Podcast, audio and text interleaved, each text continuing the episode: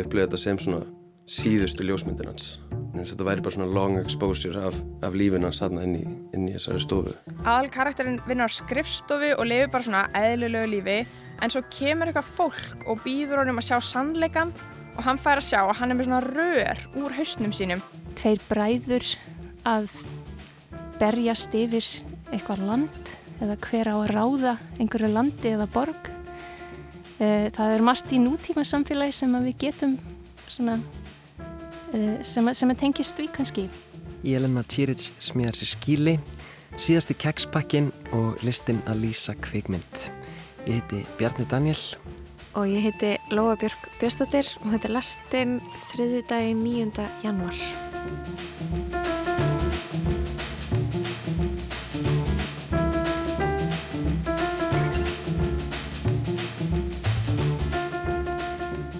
Hérna setna í þættinum ætlum við að spjalla við Jelenu Tjírits tónlistakonu um uh, já, nýjustu útgáfi hennar Shelters 2 um, Jelena vinnur líka sem bladamæður og við spjallum aðeins um það svona, já, hvernig það getur skarast að semja tónlist og skrifa greinar og segja sögur. Uh, fyrir henni þá hvernig, já, er eitthvað þráður hann á milli.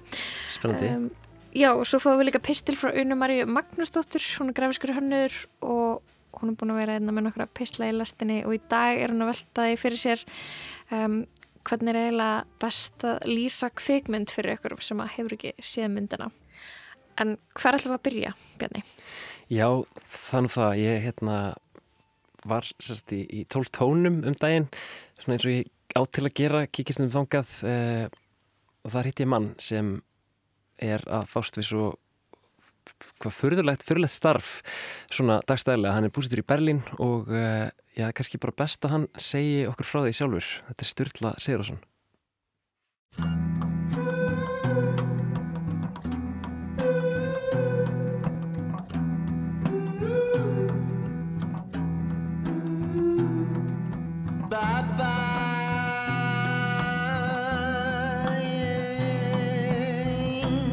appetite Messiah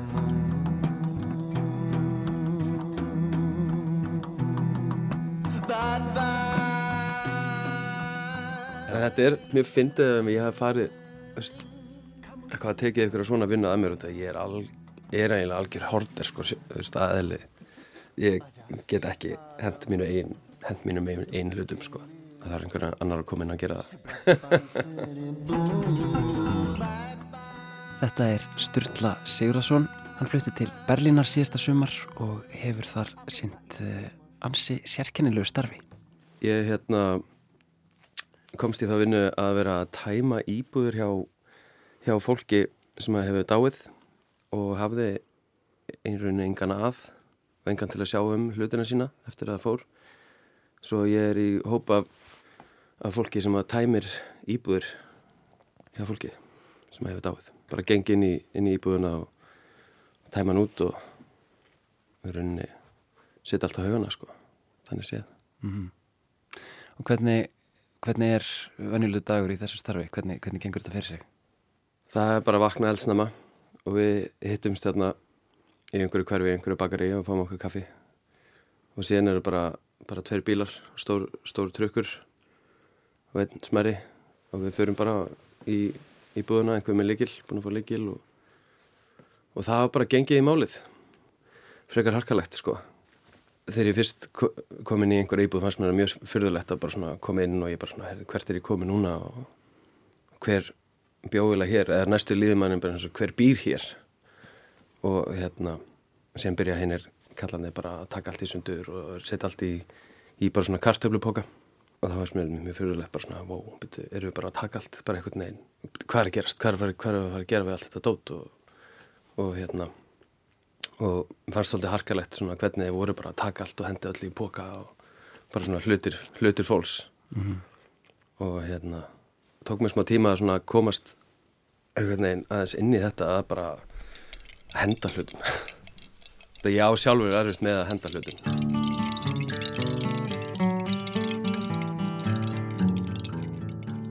Já, það er eh, velagt að ímynda sér að þetta sé yfirþyrmandi verk Það þurfa að ákveða hverjir af persónulegum munum fólksverði varðveittir á meðan aðrir rata beinta á ruslahögana. Stulli tekur dæmi úr íbúð gamallar konu, eitt fyrsta verkefnið sem hann tók að sér í þessu starfi. Það var skengur þarna inn í, inn í búðinni og, og á, á skengnum er svona dúkur bara sem maður kannast við, kannski bara svona samamanns hefur átt og, og ég einhvern veginn, þú veist, horfið á dúkin og ég bara svona, oh, þessi svona fíni dúkur. Sá alveg fyrir mig konuna bara, já, þessi fíni dúkur er minn eitthvað hérna og, og ég eitthvað svona, tek hann bara og brýt hann svona fallega saman Jú, jú, eins og maður gerir, en hvað svo? og setja hann á neyru slapakkan. það er svona, svona mjög sérstækt einhvern veginn. Einmitt. Um, hvernig var tilfinningin að koma inn í þessa fyrstu íbúð? Hún var mjög sérstök. Eins og ég segi, þetta var svona, maður svona áttaði sig veginn ekki alveg á því að þetta væri einhver sem að væri bara farin, sko. Þetta var, veist, hún var bara í fínu standi íbúðun, bara svona mjög svona fín og ömmuleg íbúð og leitt bara út eins og einhver hafi bara skroppið út þessuna og ekkert eitthvað fattaði að vera að koma, eh, myndi aldrei koma aftur heim eða eitthvað svo leis og maður bara svona gekk inn í það einhvern veginn það var mjög sérstök, sérstök tilfinning og sem byrjaði maður bara að tæma. Já, bara opna skúfur, fara taka hluti úr skúfum og skápum og, og alls konar sko. En það er samt eitthvað fólk sko sem mætir fyrst í íbúðan og tekur svona Vist, frá einhverjum svona, kannski eins og rauðakrossunum eða eitthvað svona áleika og kannski tekur eitthvað svona verðmæti. Það helst það sko. En já, annars var virkar þetta svona nokkuð svona ósnert sko. Og maður bara einhvern veginn við erum mitt í þetta það er mjög sérstakt. Hvað verður um þessar hluti sem þið takið úr íbúðunum? Sko, þeir fara bara á haugana. Það er svolítið brútal. Og hérna er svolítið, mér, mér finnst alltaf svolítið sjokkrenda að sjá sko. Og mitt hérna kallarnir sem eru að vinna með í þessu eru alveg svolítið svona kaldir finnst mér í þessu. Og hérna sem maður heldur, ég held að maður þurfi náttúrulega bara að vera, þeir eru búin að gera þetta leiki og ég er tilturlega svona, svona nýlega byrjaður í þessu ekkert búin að gera þetta það lengi sko. Skrítið að sjá bara, allar þessar hluti einhver svona postkort og, og bara svona einhver fjölskyldu albúm og og einhverja flíkur og kannski einhver gömur leikfeng og bara svona alls konar hluti sem að maður finnur einhvern veginn að fólki hafi þóttu væntum Mhm. en í rauninni eru bara orðið drastl núna. Einhver hluti sem fólk hefur séð ástæð til þess að geima Sjá, síðan ástæði til þess að geimi öll þessi ár. Já, bara til þess að því síðan sé flekt á haugana. Mhm. og maður síðan sér maður bara alla hlutina bara þeysast út á, á haugin og liggja bara þar með öllu öðru skraninu sko, einhvern veginn og draslinu. Það er mjög sérstætt og svona halv óþægilegt. En mjög áhugavert, mér. Mhm. einhvern veginn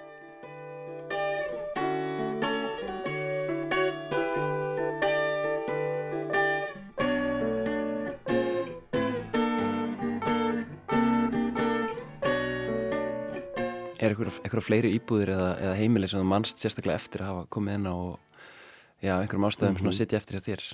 Já, það var hérna við, við fengum það verkefni að tæma hérna íbúð hjá ljósmyndara. Hún var bara full af ljósmyndum og hérna prentum og veist, negatífum og svona. Bara albúm eftir albúm eftir albúm af bara alls konar ljósmyndum. Bara landslagsljósmyndir og, og alveg bara hitt og þetta sko. Og alls konar svona tilraunir. Ég fann hérna grönn negatífur sem hann greinlega verið að gera einhverja svona alls konar tilraunir og var að taka mynda af einhverjum blómum inn í stofunni sem hann búin að stilla upp og eitthvað svona. Og það var bara að fara í að tæmi íbúðuna og, og það bara byrjuði strax að henda öllu í, í þess að kartöflupóka skilur bara til að henda þessu. Já, þessar furðulegu aðstæður vekja upp alls konar spurningar. Var ekki búin að taka þessar myndir eða ekki búin að skoða þessar myndir og ég fer einhvern veginn bara svona stend inn í stofunni og bara svona fari gegnum myndirnar og hugsa bara hvað er, veist, þetta, þetta var svo sláandi eitthvað og hérna og ég hugsa bara að maður verður einhvern veginn að halda upp á þessar myndir. En þú veist, það, þú veist, það voru alveg flottar og svona og hérna en ég get ekki tekið þetta allt sjálfur en ég tók alveg einhverja myndir sem ég, sem ég ákvaða að eiga. En hérna já, þetta var bara svo sérstætt og þú veist, ég fór að ímynda mér að, að kannski hefði þessi þessi maður sem var, var svona ljósmyndari, áhuga ljósmyndari alltaf að taka myndir allt sitt líf og ég fór svona ímynda mér kannski söguna hans um að, kannski hefur hann alltaf dreymt um eða svona hálf búist við því að hann er kannski uppgötaður eða eitthvað, kannski eftir að hann væri dáin eða eitthvað svo leiðis en síðan gerist það ekkert í, í rauninu það er bara eitthvað ég sem finnir myndina og ég get ekkert í því gert í rauninu, ég hef ekkert pláss fyrir þetta og, og svona ég tek einhverja myndir en, en það er bara svo rosalegt magna af þessu. Og bara og þessu er bara það bara byrja allir að tróða svona í póka og tæma allt og og hérna og allar þessar ljósmyndir og allar þessar hérna, öll þessi albúm og allt það bara enda bara á haugunum. Og veist, þegar við erum búin að tæma allt og við erum fleið allar haugana og sé þetta allt bara með lenda þarna í hrúinu og, og það var bara mjög bara svolítið svona úf, sjokkarendi og svolítið svona eitthvað neginn hugmyndi eitthvað svona svona vegna einn svona vegumann pínu til umhengsunar fannst mér. Alltaf sé ekki algeng fantasia hjá listafólki Jú, að einhvern veginn vonast til þess að vera uppgötvað eftir dauða sinn. jú, ég myndi halda það. Ég veit að ég hef algjörlega gerst segur um að, að hugsa um það sko. Hvernig lítur svo fantasia út? ég veit ekki, ég held að þetta sé svona maður, þetta er einhvers konar huggun sko, þú veist, einhvern veginn, þú veist, ef að hlutir eru ekki alveg, þú veist, að virka óslega vel núna, þú veist, þá er þetta eitthvað sem að hjálpa manni kannski að vera þólimáður, það er svona, að, þú veist, haldu bara áfram, hlutinni koma, jafnvel kannski bara eftir að þú verður dauður, ég meina, sérðu bara Van Gogh eða eitthvað svoleiðis, eða þú veist, alls konar einhverjum svona listamenn. Þannig að ég held að þetta sé í rauninu bara einhver svona, einhver svona hug, huggunar hugsun sem að hjálpa manni pínu að halda áfram og ekki hætta, sem er óslega mikilvægt, þú veist, hvort sem það gerist eða ekki Einmitt. Það er þetta náttúrulega bara einhver svona fylling í manns eigin lífi sko. Og svo mæta mennir með kartöflupokana. meit mennir kartöflupókana grjótarðir og miskunnarlausir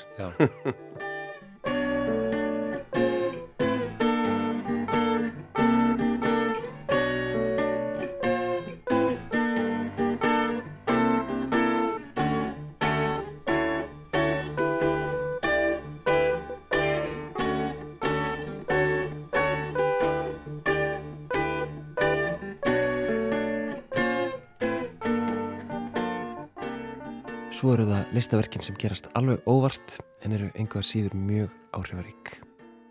og þeir eru búin að tæma alla íbúðan hans. Og það stóði, stóði inn í stofunni. Og þarna voru alls konar húsgögn og myndir á veggjunum sem að hefur greinlega verið þarna bara í áratugi. Og þegar að allt var komið út þá sá maður svona eins og síluettu af öllum hlutunum hans. Þegar það- sólin hafi skenið inn um gluggan í öll þessi ár og upplitað veggfóðrið bak við allt þannig að þegar maður tók allt í burtu þá var það var þetta í rauninni svona, ég upplifði þetta sem svona síðustu ljósmyndin hans. Einhvern veginn, eins og þetta væri bara svona long exposure af, af lífin hans þarna inn í, inn í þessari stofu. Mér varst það einhver falleg pæling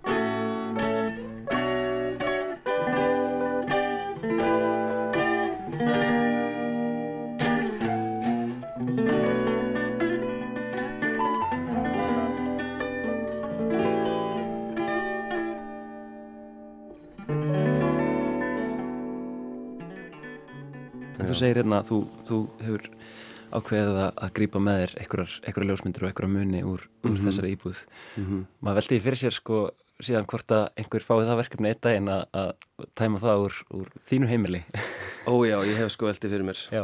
ég hef hérna ég með hugsa sko, þú veist ég hérna hef svona tekið myndir af, af íbúðunum aðeins stundum sko og hérna með dætti huga þetta væri bara, þú veist, þetta er bara ljósmyndaverkefni skilur bara þú veist, að tæma þessi íbúður og bara tómu íbúðunar og svona. Og það fór ég með þetta að hugsa, ef ég myndi byrja að taka allar þessar myndir, myndi sapna þeim saman og vera svona einhvern veginn að prenta þær út og myndi gera þetta einhvern tíma sem myndi ég deyja og einhver myndi bara fá það verkefni að koma í íbúðun og finna allar þessar ljósmyndir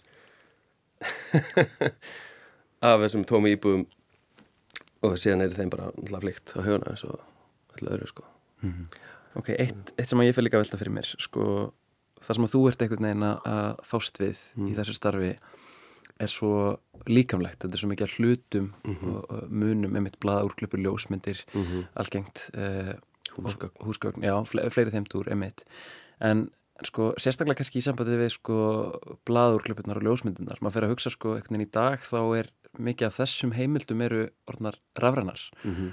og, og ég fyrir að velta því fyrir mér sko hvort að já, sko, ein- einhver sem að sinnir sko sambarlegu starfi eftir einhver, einhver áratvíi kannski Mhm. sé bara, sitji bara við tölvuskjá og sé að tæma úr einhverju, einhverju skíi hefur eitthvað velt þessu fyrir þér? Ég, nei, rauninni ekki.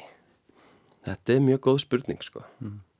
Ég hef ekki alveg veltið fyrir mig hvernig þetta fer, sko. Þannig séð. En þegar þú tekur ákvörðin um að losa þig við hluti hvað, hvað er það sem að losa þig við og hvað verður eftir? Já. Það þýðir eiginlega ekkert fyrir mig að reyna að fara í gegnum þetta, eins og þeir í flutti. og það var eiginlega, sko, mamma mín sem að hjálpaði mér alveg geðað mikið. Svo ég bjóð hérna á Nýlundugötu, var þar með hús og sem var með vinnustofu hliðin á. Og ég man að mamma sagði bara eitthvað, farðu bara að byrja að tæma vinnustofuna hérna og ég verð bara hér. Og síðan fór ég bara að gera það sem ég kom tilbaka og það var bara búin að setja fullt af dóti í ruslapoka og hún sagði bara ekkert verið að skoða þetta. Og ég, mér varst það mjög erfitt.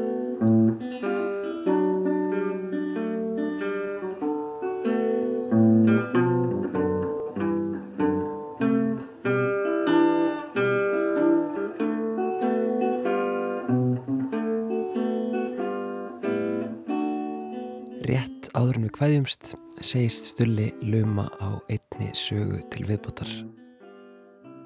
Það er ein hérna það, það er nú sló mig hérna eins og þegar við vorum að, að tæma einu íbúð og, og þá stóðum við inn í hérna inn í eldhúsi að taka okkur pásu og það var hellingur af bara svona mat og alls konar hlutum í skápunum og allt það og einhver á okkur að fundi kekspakka og við stóðum inn í eldhúsinu bara svona mjög svona gamaldags eldhús svona mjög svona 70s 60s, 70s og hérna og vorum bara að hérna, geða okkur á einhverju keksi þarna sem var tildulega nýtt bara. Og þegar ég stend þarna við eldursporðið og borða keksið og þá hugsa ég og segi við strákana eitthvað pælið í þessi kona sem hefur keift þetta keks. Hann hefði aldrei grunað að þeir sem voru að borða keksið væru einhverju menn sem voru að tæma íbúðuna eftir hún væri dáin Einmitt. mm. maður veit aldrei hvernig maður kaupir síðasta kekspakkan og hver minn borða keksið I couldn't say it to your face,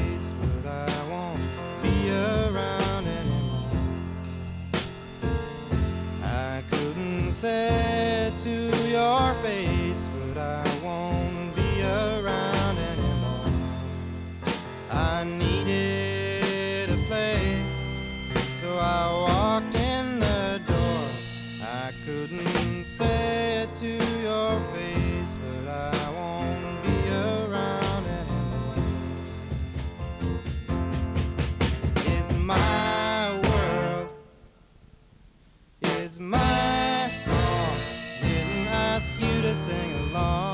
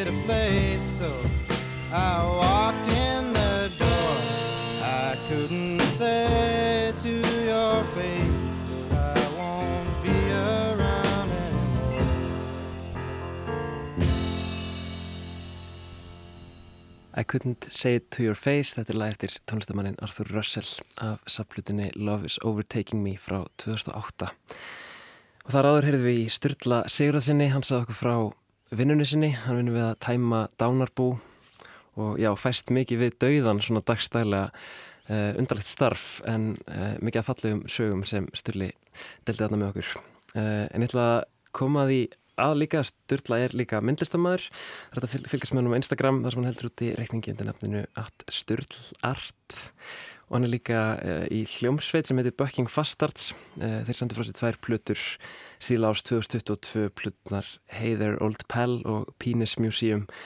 Þetta er virkilega gott stöf gaman að þessari hljómsveit Bucking Fastards Kekjað, um, við ætlum að snú okkur að kvikmyndum hérna næst í lastinni. Una Marja Magnúsdóttir er að vinna að því að verða gjaldgeng í samfélagi kvikmynda áhuga fólks.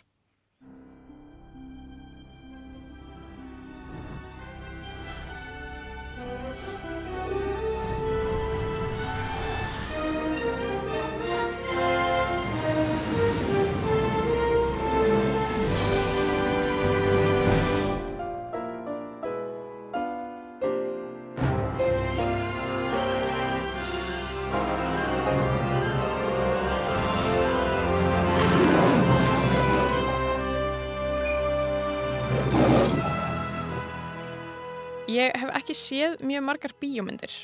Það var ekki fyrir en tiltöla nýlega sem ég byrjaði að horfa á þær af einhverju viti.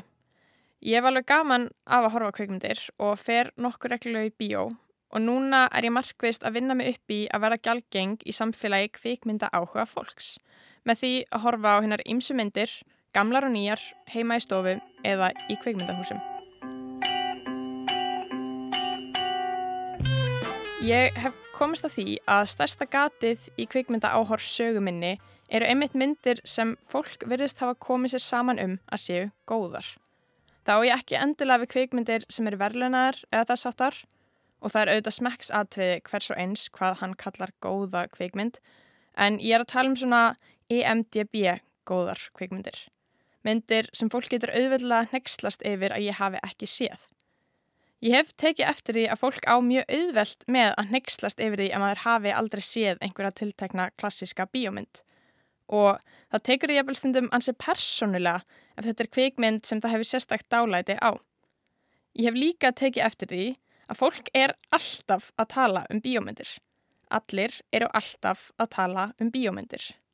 Og ég, sem elska að tala en hef ekki séð svo margar bíómyndir, er mjög oft í aðstæðum þar sem kvikmynd kemur til tals og ég þarf að kinka bara kolli og segja já, haha, eða greina frá því að ég hafi ekki séð umræta mynd og setja samtalið þá í smávægila köku á meðan ég samfarið um að ég verði bara að sjá hana. Ég segi auðvitað, já, ég setja hann á listan, þó ég veiti að ég eftir að sjá svona fjögur þúsund myndir áður en kemur að þessari. Ef mig grunar að myndin fallir mér ekki í geð og ég segi ekki já ég setja hann á listan heldur, ég er ekki vissum að ég fíla þessa mynd. Fæ ég eiginlega alltaf sömu viðbröð fólk reynir að segja mér í stuttumáli frá söguþræðinum til þess að sannfæra mig um að ég vilji í alvöru horfa á myndina. Mér finnst þetta eiginlega mjög fyndið. Ég hef mjög gaman af að heyra fólk reyna að útskýra heila bíómynd í tveimur setningum. Mér finnst það ekki endilega gaman að því að það takist eitthvað illa til og sé þess vegna fyndið heldur finnst mér í alvörunni mjög gaman að pæla í því hvaða atriðum fólk kýs að greina frá. Ég hef tekið eftir því að í þau skipti sem ég horfi svo á myndina sem útskýrð var fyrir mér, upplifi ég hana allt öðruvísi og finnst atbyrðinir sem taldir voru upp fyrir mig oft alls ekki vera aðal atriði í myndinni. Þetta hefur fengið mig til að veltaði mikið fyrir mér hvernig hver og einn upplifir kvikmyndir á meðsmunandi hátt. Þetta hefur líka fengið mig til að skrifa niður og halda utanum þessar litlu lýsingar sem ég fæ svo ofta heyra. Ég ætla núna að lesa upp nokkrar þeirra sem ég hef sapnað saman síðasta árið eða svo. Hér þarf eiginlega engar höskuldar viðvaranir því lýsingarnar eru flestar svo ofbóðslega abstrakt að það gæti verið efni í leik eða spurningakeppni að giska á hvaða kvikmynd þetta á að lýsa. En til vonar og vara vil ég láta vita því að nú mun ég, mjög lauslega, koma upp um sögutráð í nokkrum kveikmyndum sem ég á ennþá eftir að horfa á. Svo þessi viðvörun er ansi ónákvæm hjá mér. Já, hún er einfallega um mann sem þarf að eignast reyðhjól til að fá vinnu sem svona maður sem hengir upp plakkut og þannig og hann lígur og segist eiga hjól til að fá vinnuna þó hann eigi ekkert hjól og svo lætur hann konunni sína selja rúmfötin þeirra svo hann geti kift hjólið. En svo er hjólinu stóli strax fyrsta daginn þessi vinnunni og svo er hann bara alla restina af myndinni að leita hjólinu með sinni sínum. Ciao, ma. Ciao Marie. Ciao. Ciao.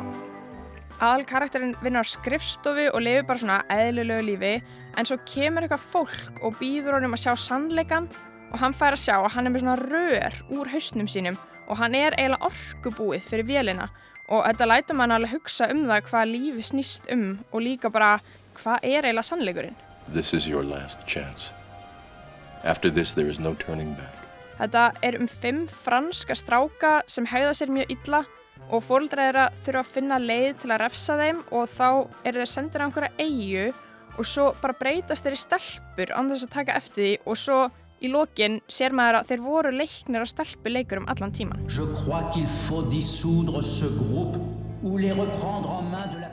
Það eru tveir menn sem verja helginni í strandhísi en maðurinn sem á strandhísi deyr og þeir láta eins og hann sé lifandi restin af helginni uh, með því að setja á hann Panama hatt og veifa hendinni.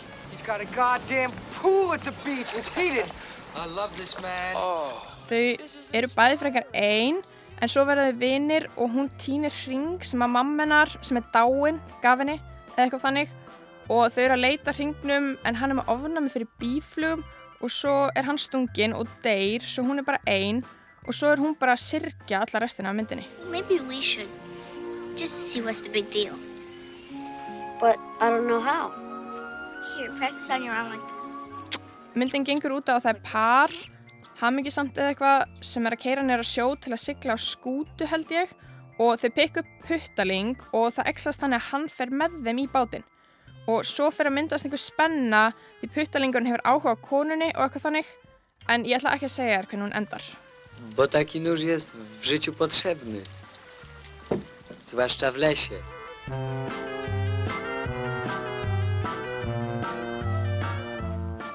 Þetta voru sérst lýsingar á kveikmyndunum Bicycle Thieves, Matrix, The Wild Boys, Weekend at Bernie's, My Girl og Knife in the Water.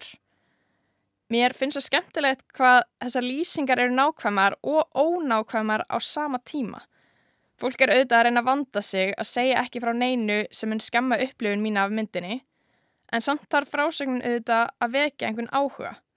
Maður fær smá insýn í það hvernig manneskan sem maður er að tala við upplifið kveikmyndina og ég vil anfrekar hvernig svo manneska gerir ráð fyrir að ég muni upplifa kveikmyndina. Ég er orðin mjög hrifin af því að upplifa kveikmyndir svona í gegnum annað fólk og ég trú ekki öðru en það muni lengi halda áfram að bætast í kveikmyndalýsingasafnið mitt. Á meðan þarf ég líka að æfa mig í að lýsa kveikmyndum eins og sjóaður kveikmynda áhuga maður. Já, og þetta er mjög góð mynd um mann með kvíða sem fer að heimsækja mömmu sína. Ég loka augunum. Ég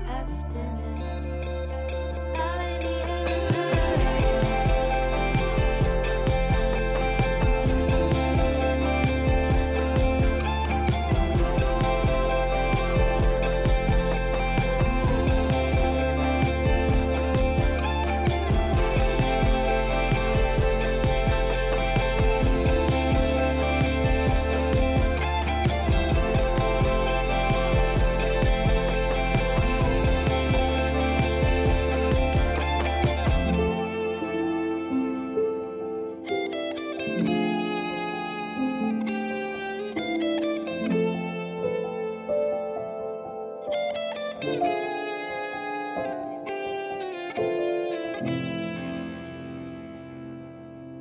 Loka augunum með kusk og óvita. Þetta lag sem kom út í november og við ætlum að hlusta á meira af nýleri íslenskri tónlist sem kom út í síðasta haust. Tónlistakonan Jelena Čírić hefur verið virk í íslensku tónlistarsennunni og menningarlífi yfir höfuð undanfæran ár líka sem bladamæður og þýðandi. Hún fluttist hingað árið 2016 Hún er undir áhrifum frá Joni Mitchell, Aldous Harding, Fiona Apple og Regina Spektor, bara svo eitthvað sem nefnt. Og við ætlum að tilla okkur inn í hljóðverð með henni.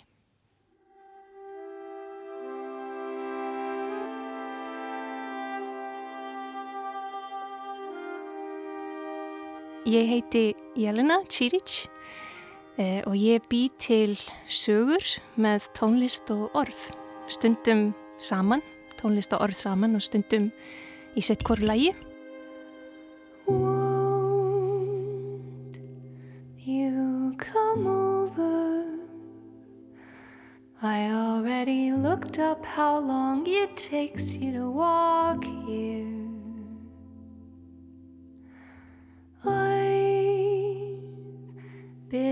feeling strange these days entertaining notions and emotion in way. Uh, ég er sem sagt tónlistarkona, lagahöfundur uh, og svo er ég líka þýðandi og bladakona. Uh, þannig að já, þetta eru svona mín verkfæri, tónlist og orð og, og mér finnst þó að ég gerir rosa margt mismunandi það er allt einhvern veginn skilið, það, það á mjög margt sameinlegt.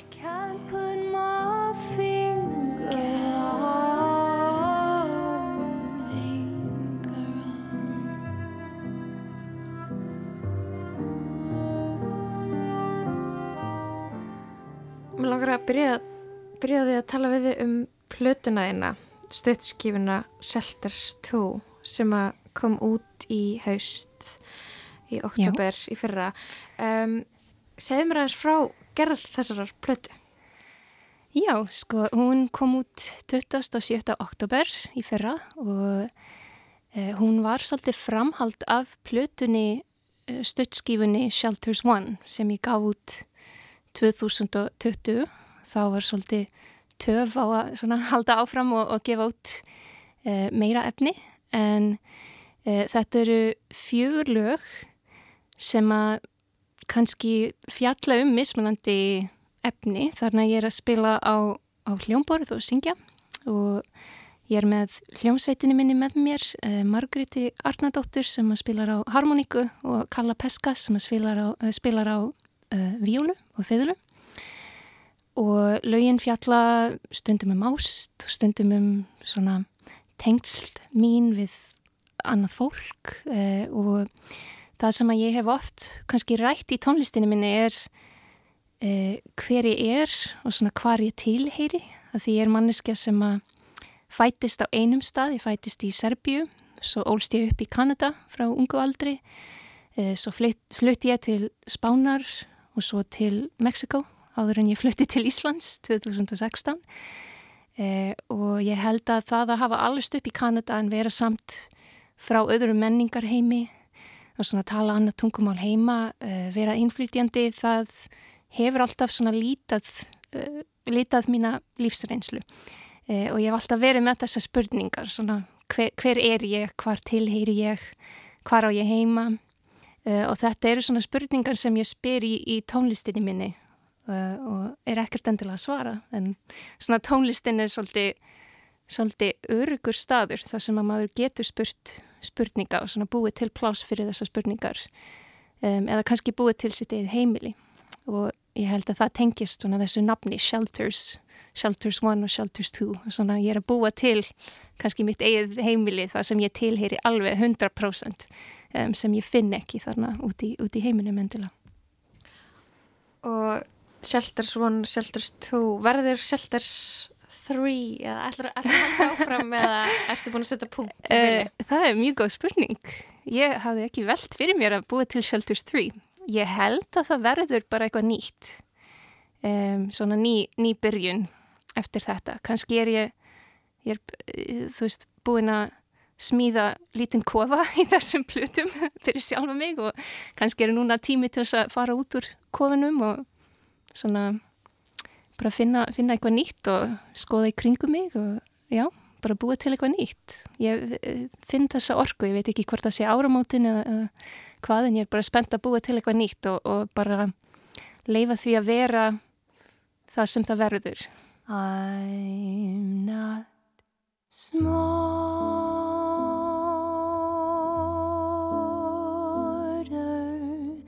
than other girls. Don't work harder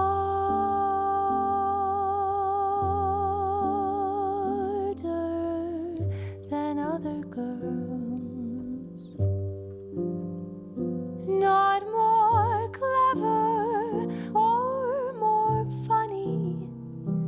My demeanor's not more sunny. Þú ert búin að vera í átta ár á Íslandi, er það ekki? Eða, eða hvað? E, já, rúmlega, rúmlega sjö, já. Já. Átt, já einmitt. Um, Verður átta ár í júli. Og er þér, og þú veist að tala um að einmitt, þú ert búin að flakka og prófa að vera innflytjandi á, á nokkrum stöðum um, en ertu ekki komið með svolítið mikla rætur á Íslandi núna? Jú, já, mér finnst það allavega. Ég minna þegar ég er að ferðast frá Íslandi og er að koma aftur, þá er ég alveg að koma heim og ég á heima hér og er búin að læra íslensku og, og búin að aðlaga samfélaginu að, að mörguleiti og já, ég finn það alveg þegar ég fer út að ég er kannski svolítið íslensk að, að sumuleiti eða svona allavega íslenskari en, en ég var. Og ég held að annað fólk í kringum mig svona eins og fjölskyldan mín eða vinir í, í Kanada þar sem ég ólst upp ég held að þau finna það líka svona man, maður breytist svolítið út frá umhverfi sínu einhvern veginn. Er, annars, er það annars Kanada sem er meira heima heldur en Serbia eða, eða er kannski flóki að segja hvað er mest heima? Já, það er einmitt mjög, mér finnst það mjög, mjög flókin spurning og jábel þegar að einhver spyr mig svona hvaðan ertu þá byrja ég bara að svitna svona reyna að uh, svona svara út frá aðstæðunum svona hverju sinni en uh, já, ég, þetta er bara mjög góð spurning. Er Kanada meira heima fyrir mér, ég minna fóröldrar mínir eru ennþá þarna og sýstir mín og, og æskuvinnir og, og svo framvis og þegar ég fer þangað þá líður mér eins og ég sé heima líka að mörguleiti en því lengra sem ég er í burtu því meira sem að ég finna ég sé líka svolítið utanaðkomandi þegar ég fer þangað, ég er svolítið útlendingur maður verður meira og meira útlendingur því lengra sem að maður er í burtu en Serbia verður alltaf uh, föðurlandið að einhverju leiti ég meina, og ég ólst upp á sernesku heimili bæði fóröldrar mínir eru, eru serneskir þannig að við borðum serneskan mat og svona fórum í serneska kirkju í, í Toronto og það er svona mjög stórt serfnest og, og balkanst samfélag í Toronto þar sem ég holst upp. Þannig að maður gata alveg verið í svona mjög tengdur menningu sinni.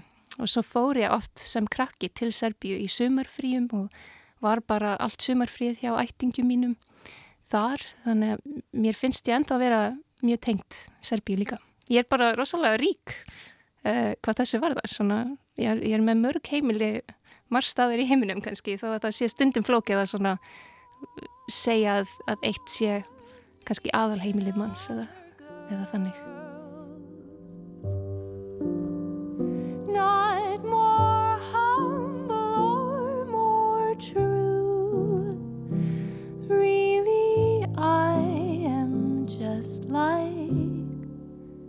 other.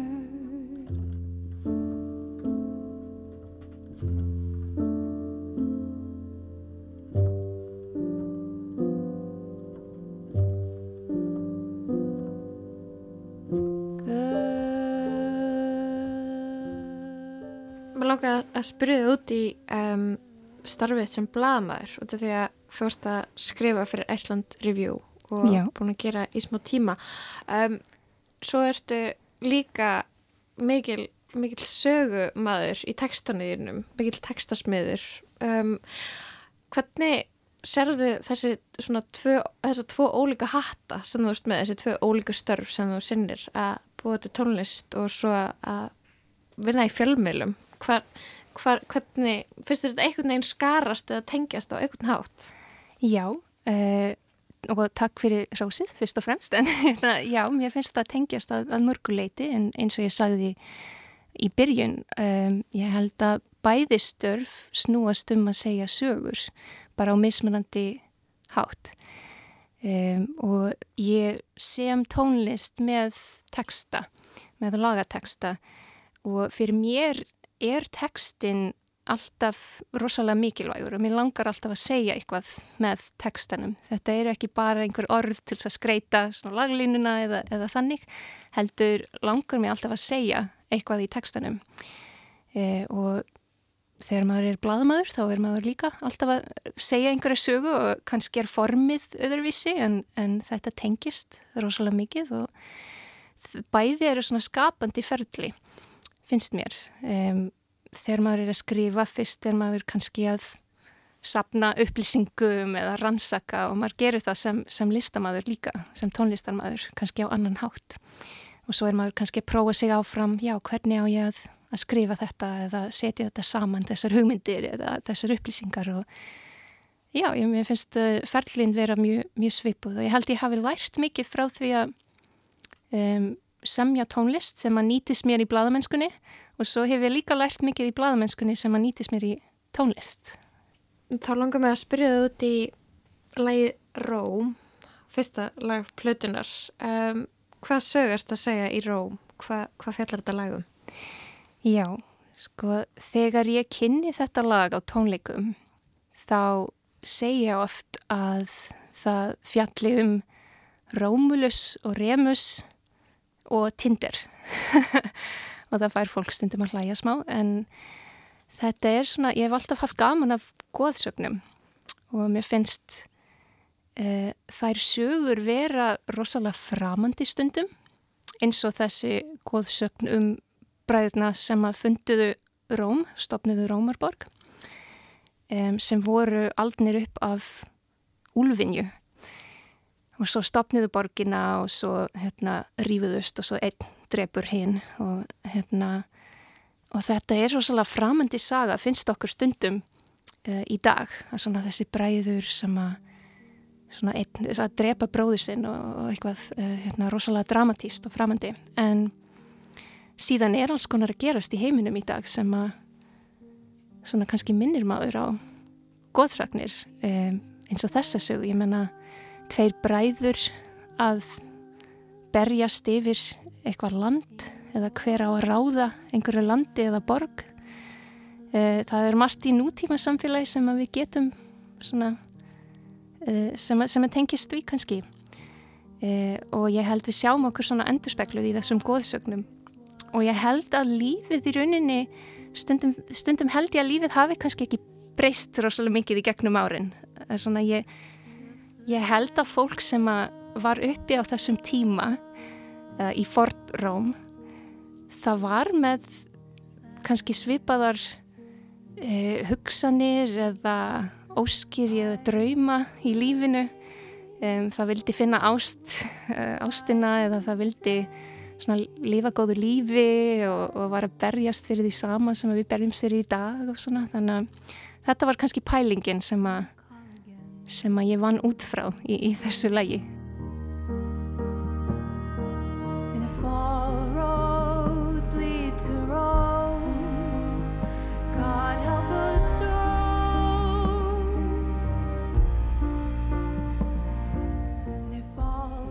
Að vera bladamaður er ekki eitthvað svona auka vinna fyrir þér og, og, og tónlistin aðal heldur finnst þið bæði mikilvægt, bæði, bæði mikil ástriða? Já, um, kannski á mismunandi hátt samt. Uh, ég hef verið lengra í tónlist Um, ég hef alveg, pabbi minn segir stundum að ég lærið að syngja áður en ég lærið að tala. Ég var alltaf að humma við sjálfa mig þegar ég var að leika mér sem krakki og fór mjög snemma í tónlistarnám og þannig að tónlistin er eitthvað sem hefur fyllt mér í gegnum lífið, bara alveg frá byrjun. Uh, og skrifað einhverju leiti, ég hef alltaf haldið út í dagbók til dæmis og hefur alltaf fundist gaman að skrifa en það var ekki fyrir en ég kom til Íslands sem að ég datt einhvern veginn óvart í þessa vinnu um, að skrifa og líka að þýða uh, úr íslensku yfir á ennsku og, en þegar ég datt í þessa vinnu þá fannst mér einhvern veginn mjög viðengandi að vera komin á þann stað að fannst eins og margt í lífi mínu hafi undirbúið mig fyrir að, fyrir að vera skrifandi og vera þýðandi og bladmaður svona, þannig að um, já, þetta er svona nýri ástríða og getur verið rosalega um, rosalega skemmtilega vinna, rosalega gefandi vinna mér finnst það gaman að hitta alls konar fólk í íslensku samfélagi og það hefur alveg hjálpað mér að komast inn í samfélagið um, bara hitta fólk og heyra um, um hvað það gerir uh, heyra um heyra það tala um það sem það hefur ástríðu fyrir og læra alls konar, svona sífælt e, og það er bara, maður er alltaf að, að læra eitthvað nýtt. Sko að lokum þá langar mig að spyrja þið út í tónleikana á lögadaginn. Um, hvað stendur til á lögadaginn? Sko, ég er að spila á mjög skemmtilegu venjúi, uh, tónleikastað sem heitir R6013. Maður er alltaf, alltaf verfið að muna tölunni nákvæmlega. En ég held ég sé með þetta rétt. Um, og þetta er svona rosalega grasrótar tónleikastaður uh, og við erum þrjú, uh, þrjár hljómsveitir sem að spilum á laugardagskvöld. Uh, og þetta er rosalega skemmtilegt venjú að því leiti að það er lítið, það er eiginlega í heimahúsi í kjallara og um, er rosalega aðgengilegt, er í miðbænum, hveit allar til, til að mæta. En það er rosalega lítill salur sem að gera það rosalega notalegt að spila þar og maður tengist alveg við áhöfundur um, og það, þannig tónleika finnst mér skemmtilegast að spila í rauninni þegar maður getur svona séð áhörfunda og hort fólk í augu og, og svona er að deila þessari stund. Það er í rauninni það sem ég finnst skemmtilegast við að vera tónlistamæður bara yfir höfu það er svona þessi tengsl sem að maður fær að búa til um, og sem er auðvöldar að einhverju leiti að búa til í svona litlu rými. Hljóma vel. Um, góð skemmtun á lögadaginn og takk fyrir komuna í lastina, Jelena. Takk fyrir mig.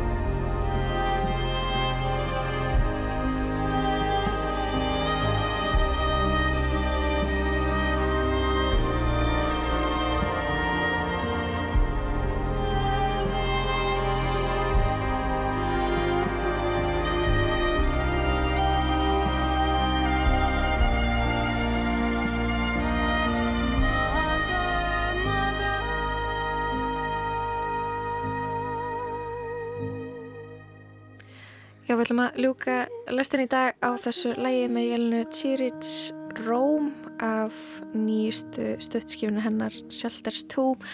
Jelena verður á tónleikum á lögadaginn klukkan hálf sjö í R6013 með hljómsutinni fyrst fyrstónduleik milk og histó Já, það verða, þrjú atriði þarna Mhm. uh, á lötaskvöldinu Mjög fjölbreytt line-up líka, það, það er gaman að því.